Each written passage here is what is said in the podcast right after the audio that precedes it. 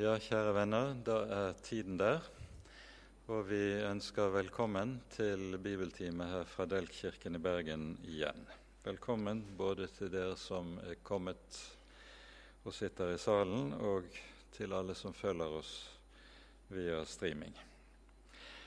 I dag er vi altså kommet til slutten av det fjerde kapittelet og skal gå i gang også med det femte kapittelet i Hebreabrevet. Det siste bibeltimen vi har nå før jul. Um, vi starter opp igjen etter jul 11. januar og kommer da til å fortsette videre i Hebreabrevet når så langt kommer.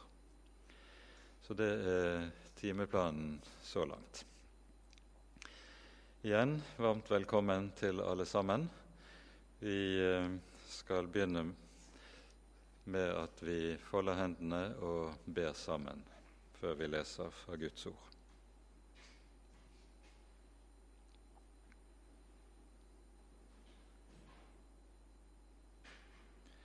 Hellige og trofaste Gud, vi takker og lover deg for all din nådes rikdom. Takk, du som troner i det høye og det hellige, at du også har bøyet deg til oss her i det lave, for at vi skal få være dine barn, lære deg å kjenne og få ha full tilgivelse for alle våre synder for Jesus skyld. Takk, Herre du hellige Gud, for all din nådes rikdom, som du har åpenbart i din Sønn.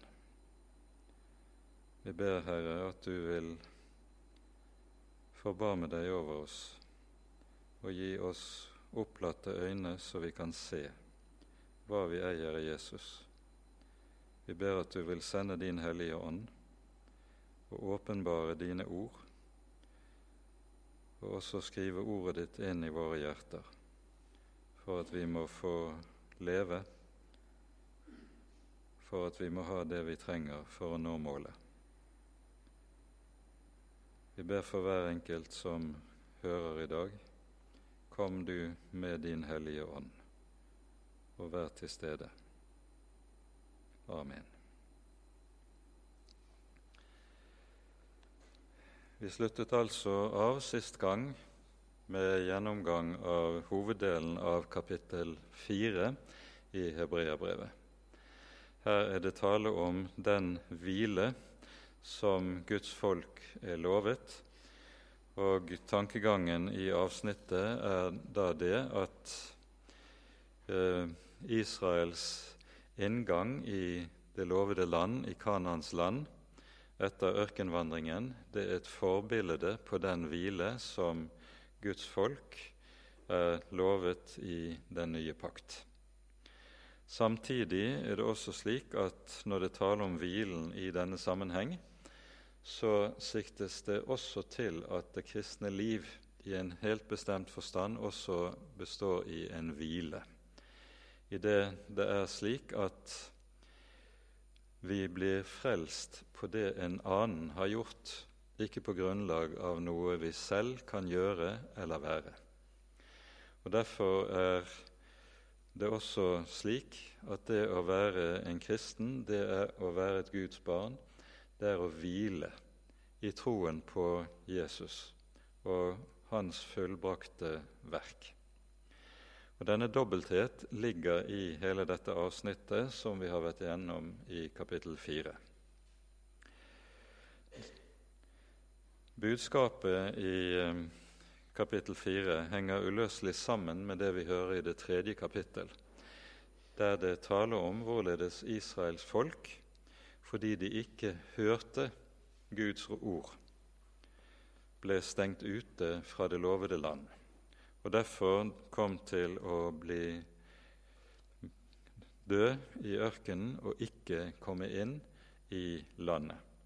Det siteres fra Salme 95, som er et hovedavsnitt som det siteres fra flere ganger i kapittel 3 og 4.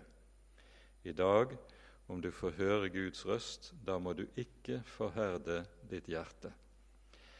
Og så forstår vi at inngangen i det lovede land er på avgjørende måte avhengig av at man hører Guds ord, tar det til hjertet og innretter seg etter det. Å gjøre som Israel og ikke høre Herrens ord, det lukker fra ute fra hvilen, fra det lovede land. Og Derfor ser vi også at dette avsnittet i kapittel 4, eh, som avslutter med det 13. verset, det avslutter med en kraftig understrekning av hva vi eier i Guds ord. Guds ord er levende og virksomt og skarpere enn noe tveget sverd, sies det. Poenget med dette er at Guds ord det inneholder ikke bare informasjon. Det er mange som har lett for å tenke på den måten at ordet inneholder informasjon som skal gi oss kunnskap, og så er det vår sak å innrette oss etter og praktisere det som vi lærer i ordet.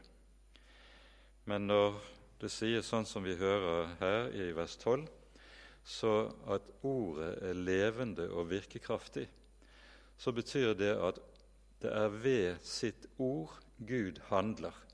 Gud er aktiv, handlende i og igjennom ordet, og derfor er ordet mye mer enn blott og bare informasjon, blott og bare kunnskapsmeddelelse. Og Derfor er det slik at når Gud arbeider, når Gud har noe og han vil ha gjort, så skjer det alltid gjennom at han taler.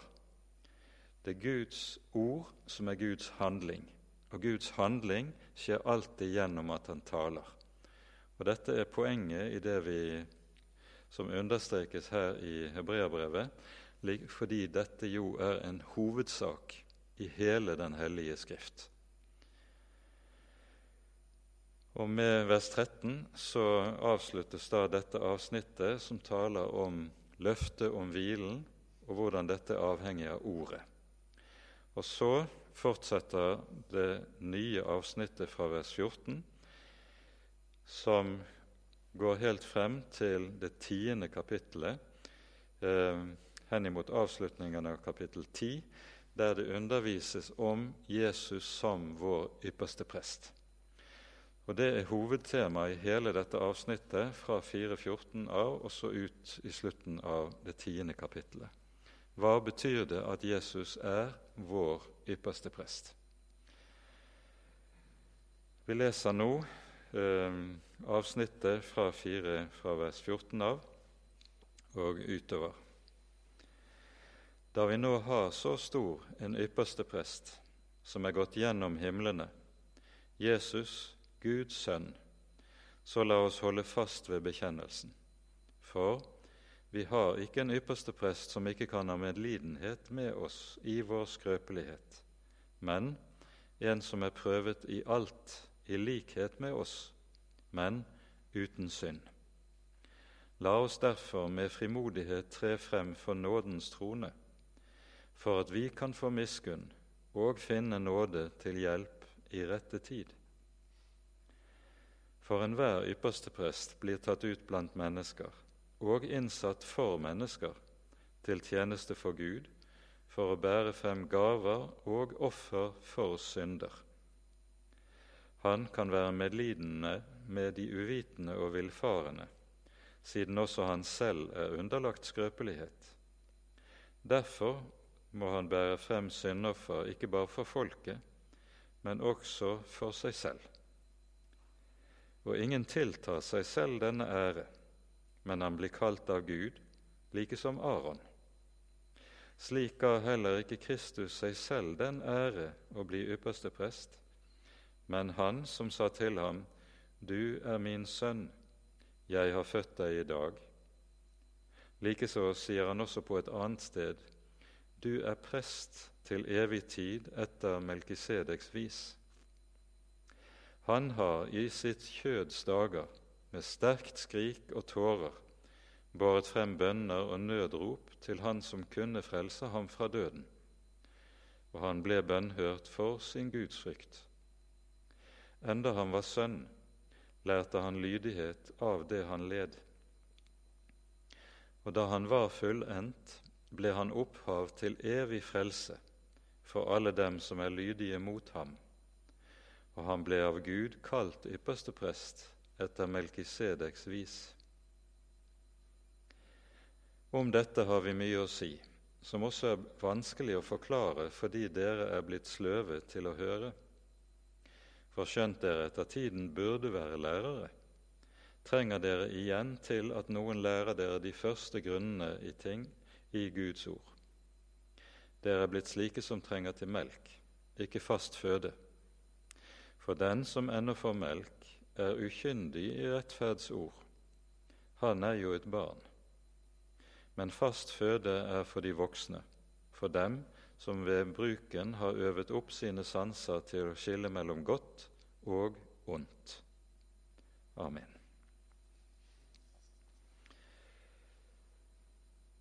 Med dette har vi altså gått inn i avsnittet som, der vi møter en bred undervisning om hva det vil si at Jesus er vår ypperste prest. Avsnittet som vi har lest, begynner i det 14. verset med ordene 'da vi nå har så stor en ypperste prest'. Der trekkes altså konklusjon ut fra det som er sagt i det foregående, på grunn av det som nå er sagt om Guds løfter, og det som er sagt i det foregående om hvem Jesus er. Derfor, sies det, skal vi holde fast ved bekjennelsen. Og Det som er sagt om Jesus, er jo at for det første er det pekt på hvorledes han er den som er meget større enn englene. Han er nemlig skaper, ikke skapning. Englene er skapninger, om de enn er aldri så store og aldri så mektige, men Jesus er ikke skapning. Han er skaper fordi han er Gud. Det er det som undervises om i første kapittel. Og så i det tredje kapittel undervises det om hvorledes Jesus også er den som er større enn Moses. Moses ble regnet som den største i den gamle pakt, for det er ved Moses den gamle pakt innstiftes og utlegges, og Moses er ved sitt virke far til alle profetene gjennom Det gamle testamentet. Men Jesus er også meget, meget større enn Moses.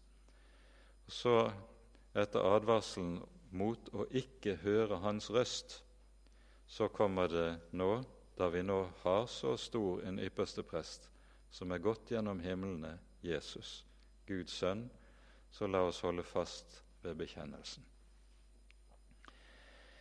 Ordet ypperste prest har vært anvendt to ganger tidligere i Hebreabrevet, i slutten av kapittel 2 og begynnelsen av kapittel 3. Men, og da står det uformidlet og uten forklaring.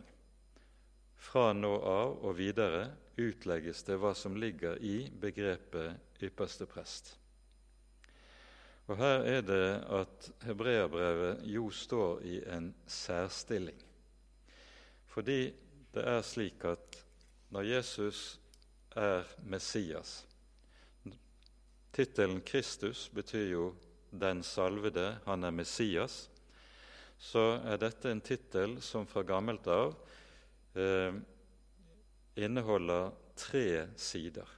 Messias har tre embeter, som han gjerne sier det.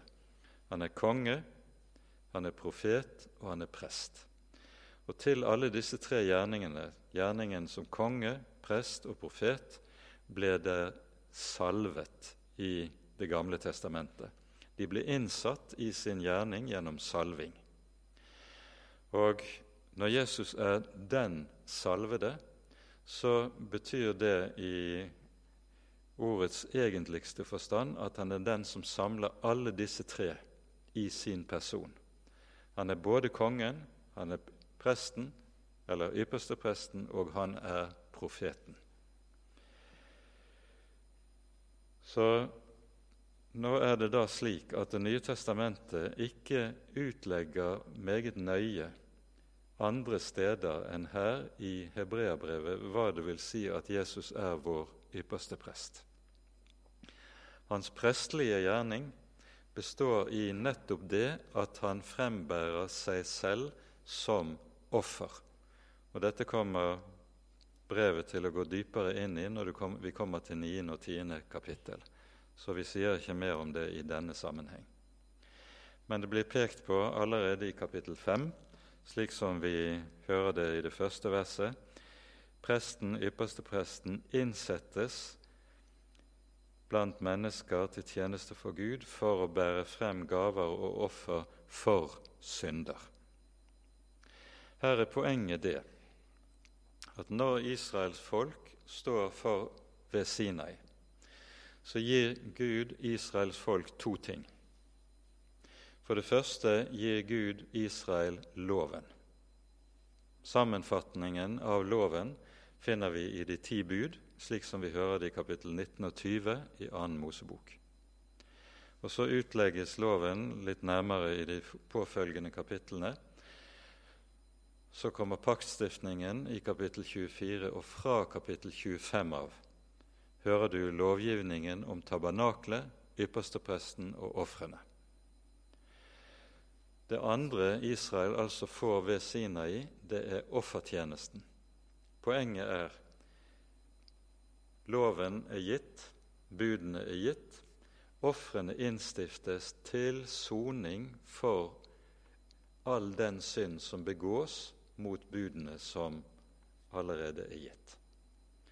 Og På denne måten så får vi anskueliggjort for oss at ved Sinai så gir Gud både lov og evangelium. Lov i form av budene, evangelium i form av soning for synd i tabernaklet. Forbilledlig er dette altså gitt oss allerede ved Sinai. Og Vi legger merke til at det som sies i det første verset i, i kapittel 5, det er at presten innsettes for å bære frem offer for synder. Det er hovedsaken. At tabernaklet reises, det er en nådegave Gud gir sitt folk for at de skal ha en mulighet til å få soning fra synd. Og I det niende kapittel understrekes det meget bestemt at det gis ingen tilgivelse for synd uten soning. Det sies i 9.22.: Uten at blod blir utgitt, skjer det ikke tilgivelse for synd. Og Da siktes det nettopp til sonofrene som bæres frem. Dette er ypperstepresten sin hovedsak. Og når eh, yppersteprestens gjerning eh, forklares, eh, både her i kapittel 5 antydningsvis, men senere mer inngående, så er det først og fremst lovgivningen for den store forsoningsdagen som ligger til grunn for hva, hvordan dette skal kunne forstås. Vi kommer til å komme tilbake til det etter hvert. Men nå er det altså slik det sies, da vi nå har så stor en ypperste prest som er gått gjennom himlene, Jesus, Guds sønn, så la oss holde fast ved bekjennelsen. Når dette sies 'la oss holde fast ved bekjennelsen', så sikter det til at hebreerbrevet jo er skrevet til en gruppe jøder som står i så store vansker pga. sin kristelige bekjennelse at de er fristet til å forlate troen og vende tilbake til jødedommen. Og så kommer denne formaningen på ny og på ny. La oss holde fast. La oss holde fast. Ordet bekjennelse, det vet de fleste av dere, det betyr, det greske ordet betyr bokstavelig å si det samme som. Homologeo. En sier det samme som, nemlig som er sagt tidligere. Å bekjenne, det er i Bibelen å si det samme som Gud tidligere har sagt i sitt ord. Vi sier ikke noe annet enn det Gud har sagt i sitt ord. Og Dette peker på hva som er den kristne kirkes kall og hovedsak. Vi skal aldri si noe annet, tale noe annet, fremholde noe annet, tro noe annet enn det Gud har sagt i sitt ord. Det er å bekjenne. Og våre trosbekjennelser, sånn som vi har de i f.eks. i Kirken, de er ikke ment å være noe som helst annet enn en kort sammenfatning av Bibelens vitnesbyrd om hva vi eier i troen. Bekjennelsene skal si det samme som Gud har sagt fore i sitt ord. Og Det er dette nå hebreerne oppmuntres til. Når det sies at Jesus har gått gjennom himlene, så utlegges dette nærmere i eh, kapittel 10. Ganske kort kan vi peke på at forbildet som ligger bakom her, nettopp er det som skjer på den store forsoningsdagen. Den store forsoningsdagen går ypperstepresten inn i det aller helligste. Der er nådestolen, der er paktens ark, og der sies det i 2. Moseboks lovgivning rundt dette, at Herren lover at Han troner over arken, paktens ark, og over nådestolen. Sånn at det å gå inn i det aller helligste, det å gå inn for Guds ansikt og Dette bildet på det å gå inn for Guds trone i himmelen. Så Yppersteprestens gang inn i det aller helligste på den store forsoningsdagen det er et forbilde på det at Jesus går inn i himlene, for Guds trone i det aller helligste i himmelen, med sitt eget blod og skaffer forsoning. Dette er tankegangen. Så allerede med dette uttrykket så er vi inne i den store forsoningsdagen eh, i 3. Mosebok kapittel 16. Nå kommer det en Kall det kanskje en parentes men det sies noe avgjørende om hva slags ypperste prest vi eier i Jesus. Vi har ikke en ypperste prest som ikke kan ha medlidenhet med oss i vår skrøpelighet, men en som er prøvet i alt, i likhet med oss, men uten synd.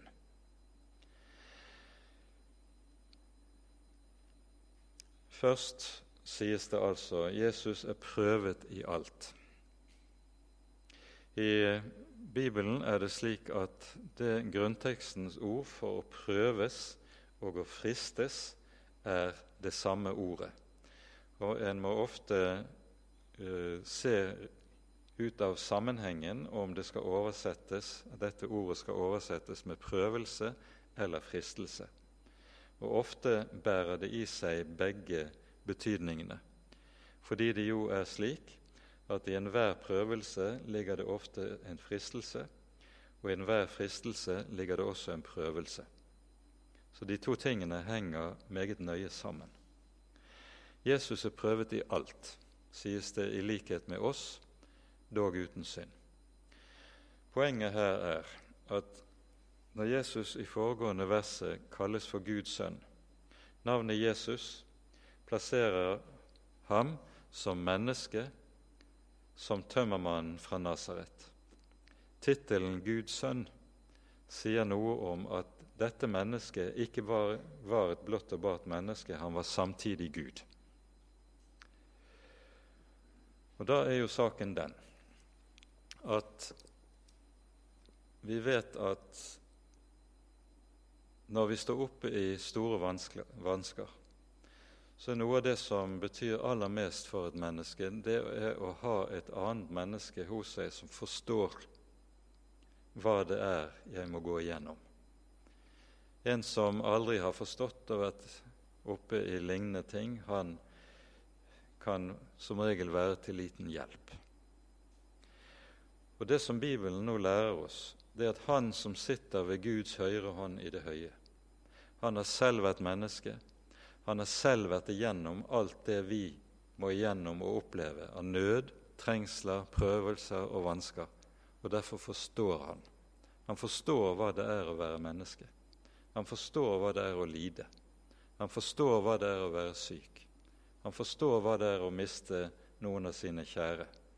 Han forstår hva det er å dø. Vi har en som vet hva det er å være menneske.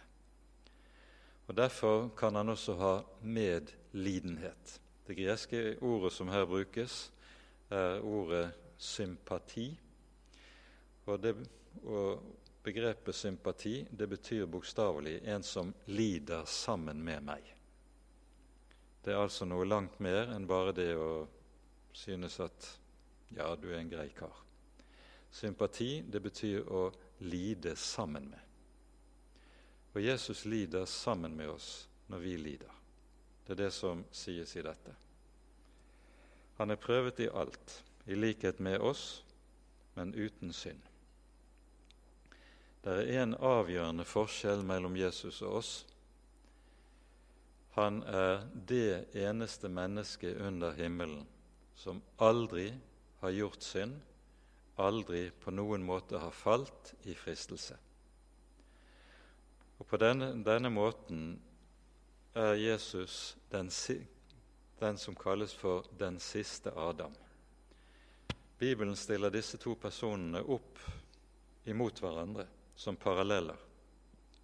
Adam ble prøvet, han var uten synd, blir fristet og faller. Kristus blir fristet og faller ikke. Og Så utgår det en virkning, dette kan du lese om i Romerbrevet kapittel 5, fra den ene til de mange. Fra Adam arver vi alle synden og døden. Fra Kristus arver vi det motsatte livet og rettferdigheten. Det går en virkning fra den ene til de mange. Og så er det helt avgjørende for vår frelse at Jesus nettopp er uten synd. Det er visse kirkesamfunn som lærer at Jesus nok var uten gjerningssynder, men de sier han var født med synd, like som alle andre mennesker. Dette er vranglære. Jesus var like som Adam ifra skapelsen var uten synd, så er Jesus også uten noen iboende synd når han kommer til verden. Og uten synd er han også den som seirer over alt som heter gjerningssynd. Og fordi han er den syndfrie, så kaller Skriften ham også for den rettferdige. Det er en tittel Jesus får i en rekke sammenhenger i Den hellige skrift, og dette sikter til nettopp det at Jesus er den som har oppfylt hele Guds lov fra ende til annen. Han har ikke syndet mot et eneste av Guds bud, ikke falt i en eneste synd. Alle Guds bud har han oppfylt. Han er uten synd. Og så kommer oppmuntringen i det neste verset. La oss derfor med frimodighet tre frem for nådens trone. Når vi har en som slik vet hvordan vi har det, en som har medlidenhet med vår skrøpelighet, så kan vi tre frem for nådens trone. Og i dette ligger det en veldig gave, nemlig den Han som er den hellige Gud, hvis vi ikke hadde hatt en som er en soning for våre synder, slik som Jesus er, da hadde Guds trone vært en dommens trone. Men i kraft av at Jesus har fullbyrdet frelse, så er Guds trone en nådens trone for alle som kommer til Gud ved ham. La oss derfor med frimodighet, nettopp på grunn av at Jesus er den han er, på grunn av at Jesus har gjort det han har gjort, kan vi ha frimodighet når vi trer frem for Guds ansikt.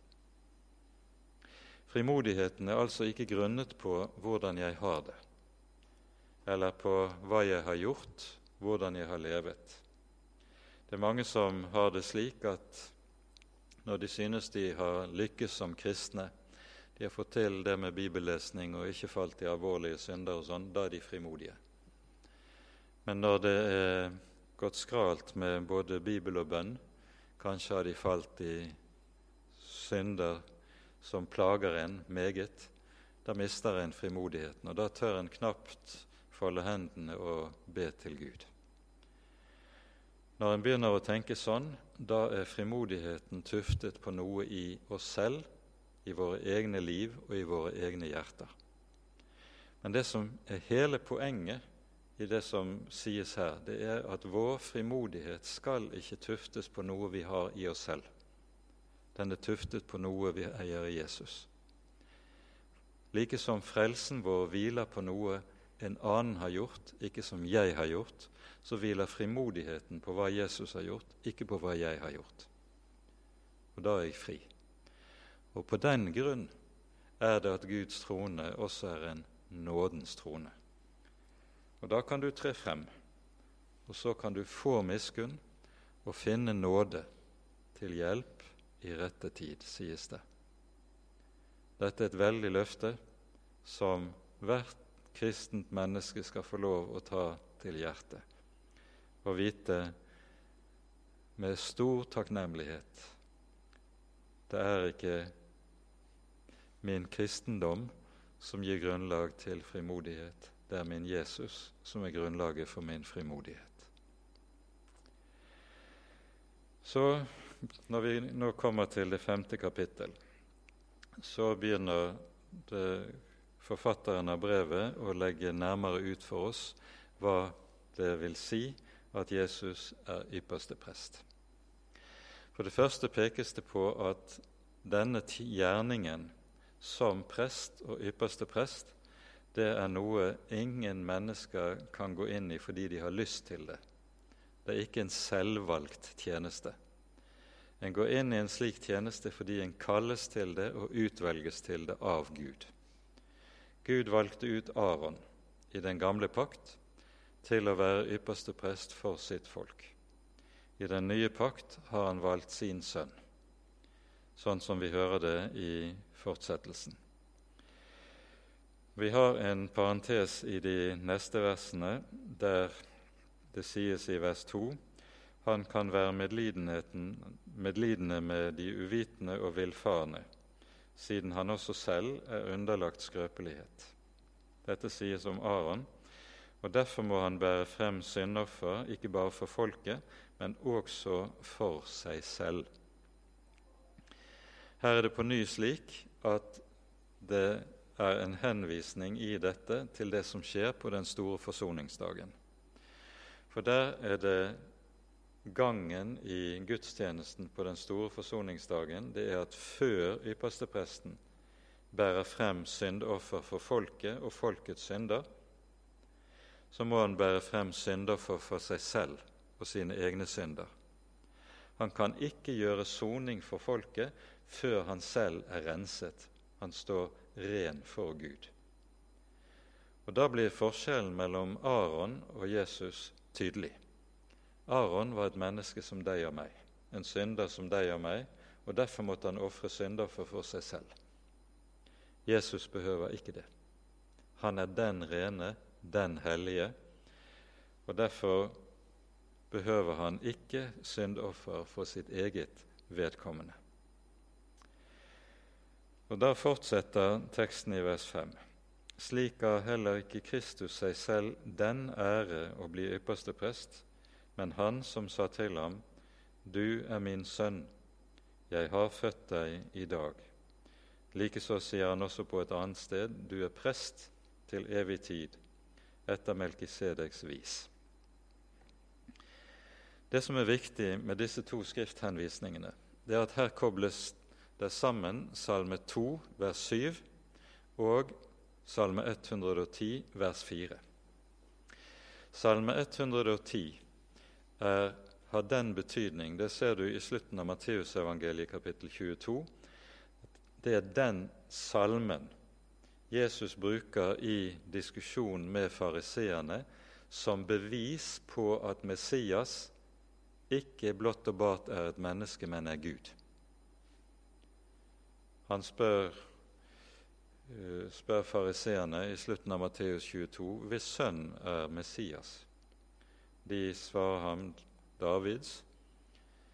Og så svarer Jesus, hvorfor kaller da David ham herre, når det lyder sånn som vi hører i det første verset i Salme 110.: Herren sa til min Herre, Sett deg ved min høyre hånd. Dette er en klassisk jødisk argumentasjonsmåte og er Jesus skriftbevis på at Det gamle testamentet taler om Messias som Gud, ikke som et blått og bart menneske. I Salme 2 der hører vi hvorledes Faderen utvelger Sønnen til det kongelige embetet.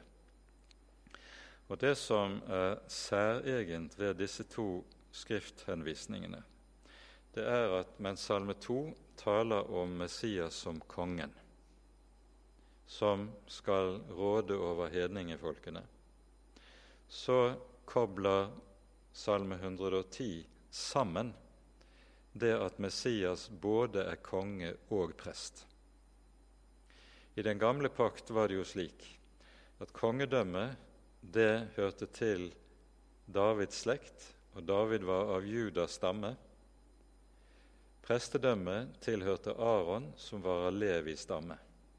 Og disse to kunne aldri forenes i en og samme person. I den gamle pakt var kongedømme og prestedømme atskilt. Det Salme 110 gjør, det er at det sier, sier når Messias kommer, så skal han forene kongedømme og prestedømme i sin person.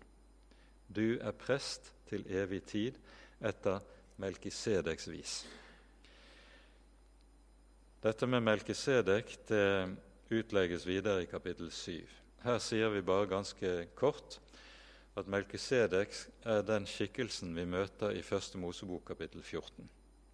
Han var konge i Salem, som var det gamle navnet på Jerusalem før kananittene overtok herredømmet i byen. Og Melkisedek var prest, sies det, for den høyeste Gud. Han er altså både konge og prest. Og Når Abraham kommer og møter ham, så fortelles det at Abraham gir Melkisedek tiende. Poenget her i Salme 110 det er at denne Melkisedek han blir et forbilde på Messias når han kommer. Du er prest til evig tid etter Melkisedeks vis, nemlig slik Melkisedek både var konge og prest, slik skal Messias være det samme. Og Når Melkisedek var konge i Salem, så er Salem det ordet vi har i shalom, som betyr fred. Han er fredsfyrsten, sies det med det også.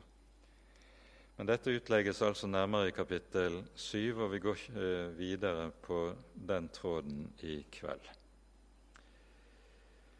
Nå sies det om ham og her er det tale om den prøvelse og lidelse som han som ypperste prest har vært gjenstand for. Det sies om ham at han har i sitt kjøds dager med sterkt skrik og tårer båret frem bønner og nødrop til Han som kunne frelse ham fra døden, og han ble bønnhørt for sin gudsfrykt. Når det sies at Jesus ble bønnhørt, for sin gudsfrykt, så er det det som kommer til uttrykk i Kristi oppstandelse.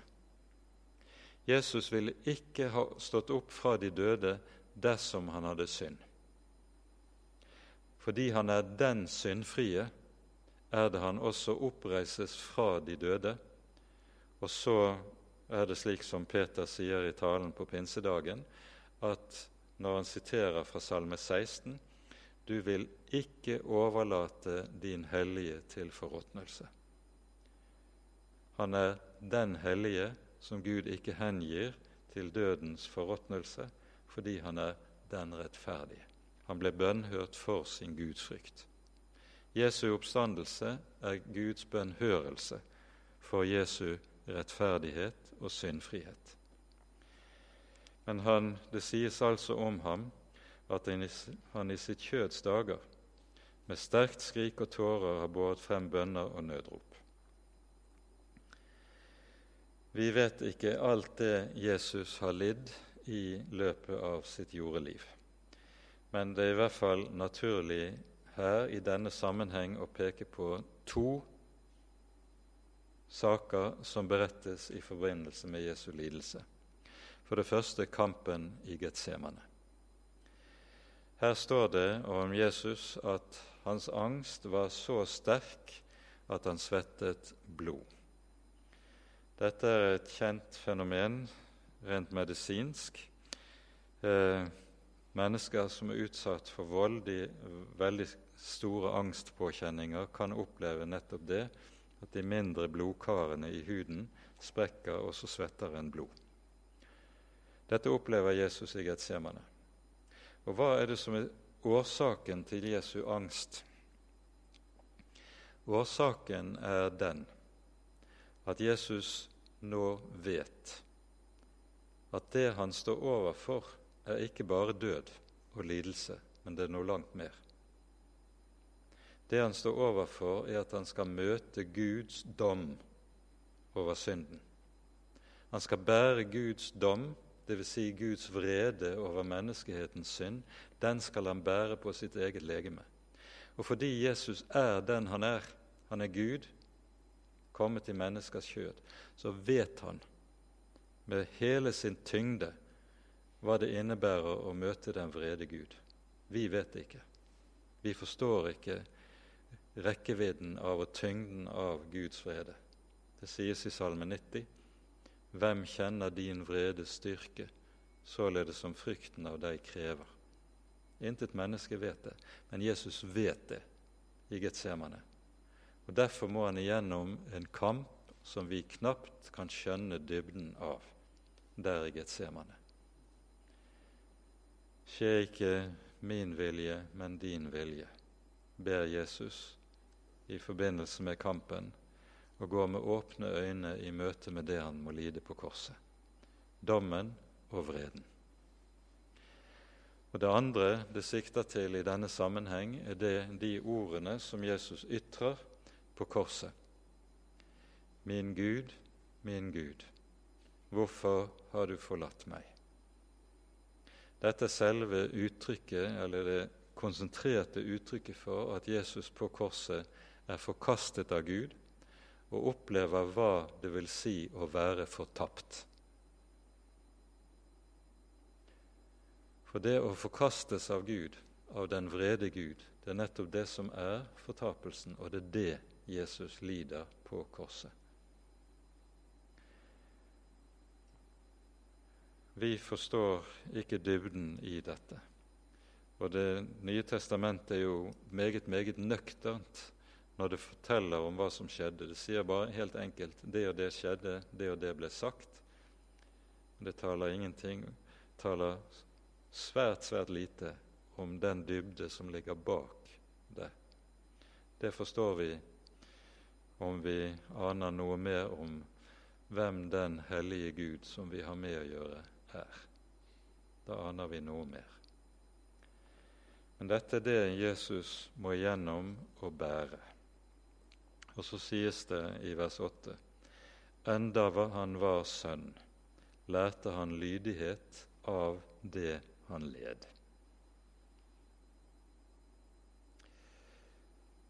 Når Jesus sendes til jord, så sendes han med en oppgave for øyet.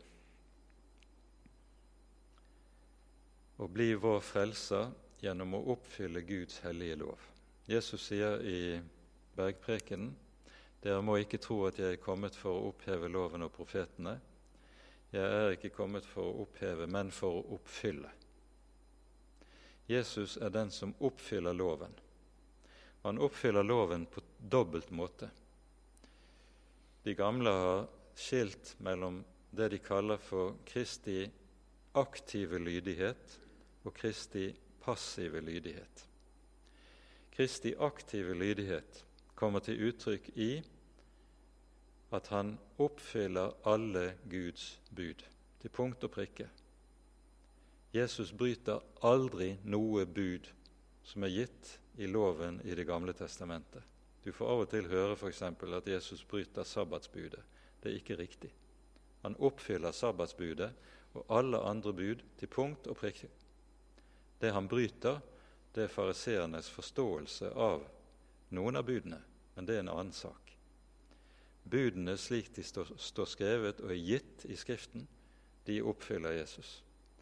Og Dette er hans aktive lydighet, og det er det som sammenfattes i talen om at han er den syndfrie, den rene og hellige.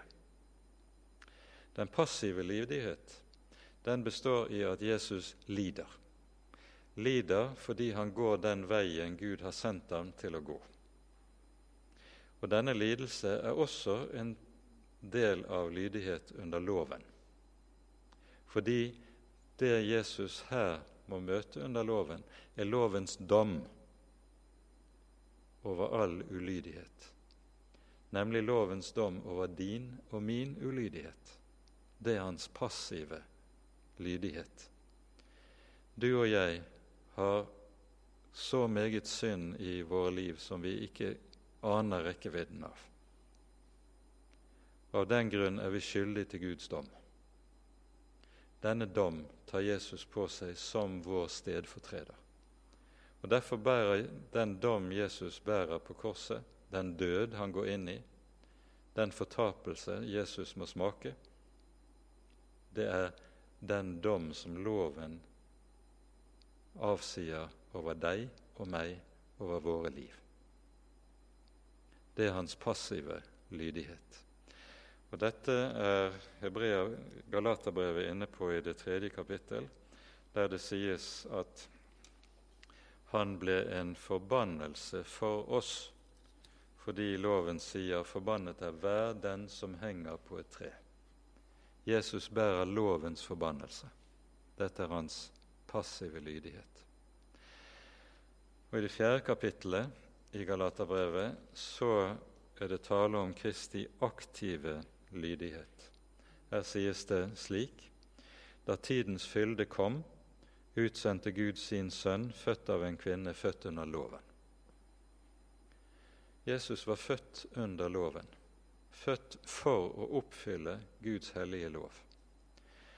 Og Det som er viktig for oss å være klar over her, det er at når Gud blir menneske i Kristi person, hvem er det da vi har med å gjøre? Gud er jo den som er lovens giver. Som Gud er Kristus den som er lovens giver. Når han fødes som menneske, blir han som er lovens giver, den som er satt til å oppfylle loven. Lovens oppfyller. Og det er denne paradokset som vi her er inne i, som sammenfattes så enkelt og kortfattet som vi hører det her i vers 8. Enda han var sønn, lærte han lydighet av det han led. Han som har gitt loven, måtte lære hva det vil si å være under loven for å oppfylle loven i, på alle vis. Så kommer det i det neste verset. Da han var fullendt, ble han opphav til evig frelse for alle dem som er lydige mot ham og han ble av Gud kalt ypperste prest etter Melkisedeks vis. Ordet som er oversett med 'da han var fullendt', det er et ord i grunnteksten som har noe av grunnbetydningen 'da målet var nådd'. Og Det er samme verbet som anvendes av Jesus i hans siste ord på korset, når han utånder og sier 'det er fullbrakt. Da er målet nådd. Målet som Gud hadde satt for hans fødsel inn i vår verden. Målet for at han kledde seg i vårt kjøtt og blod, ble menneske. Nå er målet nådd. Frelsen er fullbyrdet. Og Derfor er det altså at dette ordet har denne nyansen i seg, eller denne betydningsfylden i seg. Han er fullendt på en slik måte at nå målet er nådd. Det mål Gud nemlig har satt for hans gjerning. Og så blir han opphav til evig frelse. Det er altså ikke bare tale om en frelse som handler om noe midlertidig, noe jordisk, noe kortvarig men det er noe som har evighetens stempel på seg. Og Derfor er det også vår bibel taler om at den som tror på Sønnen, har livet, nemlig det evige livet. Og så ble han av Gud kalt ypperste prest etter Melkisedeks vis. Så kommer det en avslutning med de fire neste versene i kapittel fem, som understreker at dette er noe som er blitt meget vanskelig for hebreerbrevets forfatter å undervise om. Så Det sies 'ettersom de er blitt trege til å høre'.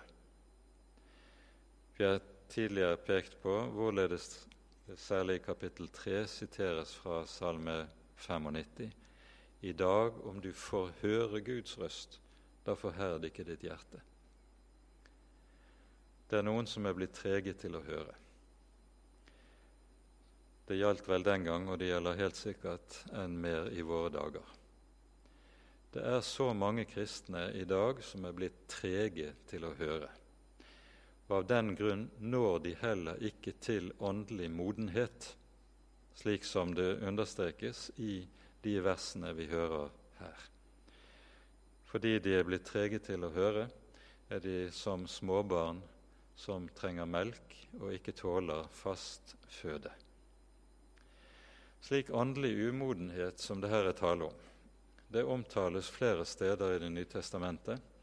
Annet hører vi om det i forbindelse med menigheten i Korint. I 1. Korinterbrev, kapittel 3, sier Paulus meget tydelig til korinterne dere er kjødelige. Dere er ikke han fornekter ikke at de er kristne.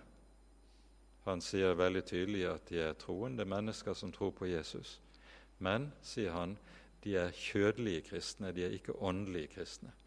Det er en åndelig umodenhet som preger dem, og som altså beskrives noe nærmere her i Hebreabrevet i det femte kapittel. Og Denne åndelige umodenhet henger altså sammen med at en er trege til å høre Guds ord. Dette er en sykdom som på ny og på ny viser seg gjennom Kirkens historie og i menighetenes liv. Det er stadig mennesker som er trege til å høre, enten fordi de er kommet dit hen at de mener om seg selv de kan alt. Det er ikke så veldig nøye lenger å komme og høre trenge dypere inn i Guds ord. Man får et selvfølgelig forhold til forkynnelsen og til det som lyder fra talerstolen, som gjør at en mener at dette trenger man egentlig ikke. Eller sånn som du også kan møte det hos ganske mange i våre dager. Det som er barn som har fått altfor mye sukkertøy. De liker ikke skikkelig mat, næringsrik mat. De vil bare ha søtsaker. Og I åndelig forstand så er det i våre dager mange kristne som er slike. De vil bare ha åndelige søtsaker. Og Derfor, når forkynnelsen blir av en slik art at den bærer i seg fast føde, slik som er vitaminrik og næringsrik kost, da liker en det ikke. Man kaller det for 'dette er altfor tungt', osv. Og så er en trege til å høre av den grunn. Det kan være så mange slags eh, påskudd mennesker har for å komme inn i en sånn, sånn holdning i forhold til forkynnelsen. Det som kjennetegner sant og sunt kristen liv, slik Bibelen taler om det, det er sult etter Guds ord. Hungrige mettet han med gode gaver, sies det i, i Marias lovsang. Mens de mette, de rike, de måtte gå tomhendte bort. Hunger og tørst etter Guds ord, det er et grunnleggende livstegn på sunn og sant kristenliv. Og Derfor er denne sulten etter Guds ord noe vi trenger å be om, både for vårt eget vedkommende og for våre menigheters vedkommende. At en ikke kommer dit hen at en tenker 'jeg er utlært, jeg kan alt, jeg behøver ikke mer', osv.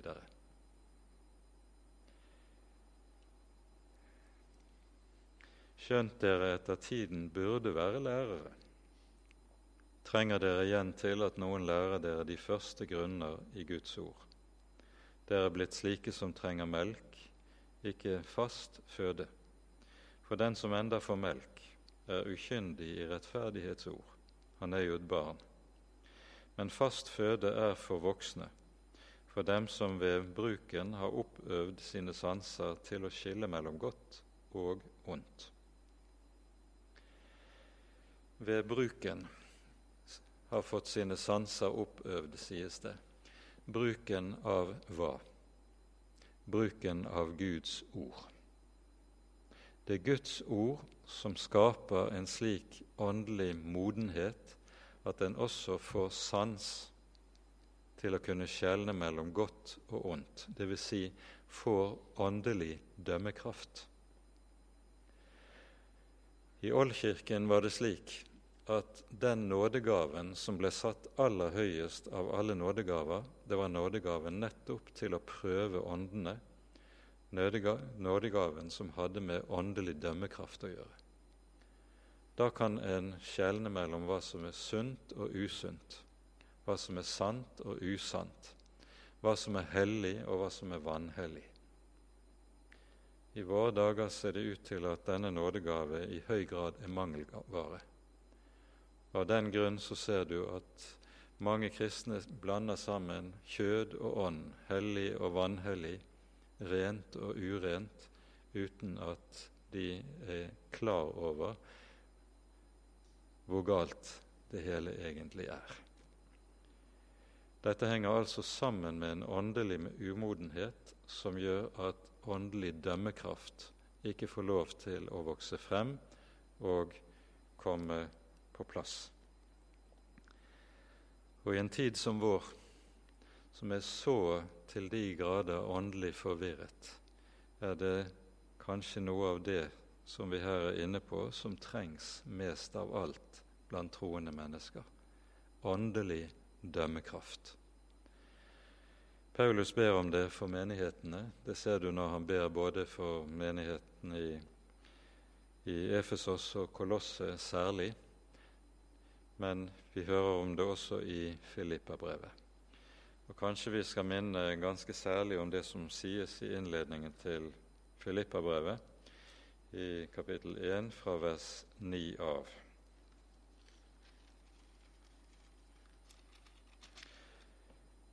Her hører vi Paulus ber, og det sies:" Dette ber jeg om, at deres kjærlighet må bli mer og mer rik på kunnskap og all innsikt, slik at dere kan dømme om hva som er rett i de forskjellige spørsmål, for at dere kan stå rene og uten lyte på Kristi dag, fylt av rettferdighetsfrukt ved Jesus Kristus, Gud til ære og lov. Legg merke til dette. Slik ber Paulus for menighetene, og slik trenger vi også å be for våre menigheter for en kjærlighet som er rik på innsikt. Ikke for en innsikt som er uten kjærlighet. Det må være For disse to ting må alltid høre sammen. Kjærligheten og innsikten. Derfor taler Paulus i Efeserbrevet om å være sannheten tro i kjærlighet. Kjærligheten gjør ikke at man blir troløs mot sannheten, men tvert om er kjærligheten rett etter Guds ord, så blir man trofast mot sannheten. Det er så langt som vi rekker det i dag. Og Så skal vi fortsette videre i kapittel 6 i Hebreabrevet når vi starter opp igjen over nyttår. Ære være Faderen og Sønnen og Den hellige ånd som var og er og være skal, en sann Gud, høylovet i evighet. Amen. La oss da sammen til slutt be Herrens bønn. Vår Far, du som er i himlene. La navnet ditt helliges. La riket ditt komme. La viljen din skje på jorden slik som i himmelen. Gi oss i dag vårt daglige brød, og tilgi oss vår skyld, slik også vi tilgir våre skyldnere. Og la oss ikke komme i fristelse, men frels oss fra det onde. For riket er ditt, og makten og æren i evighet. Amen. Ta imot Herrens velsignelse.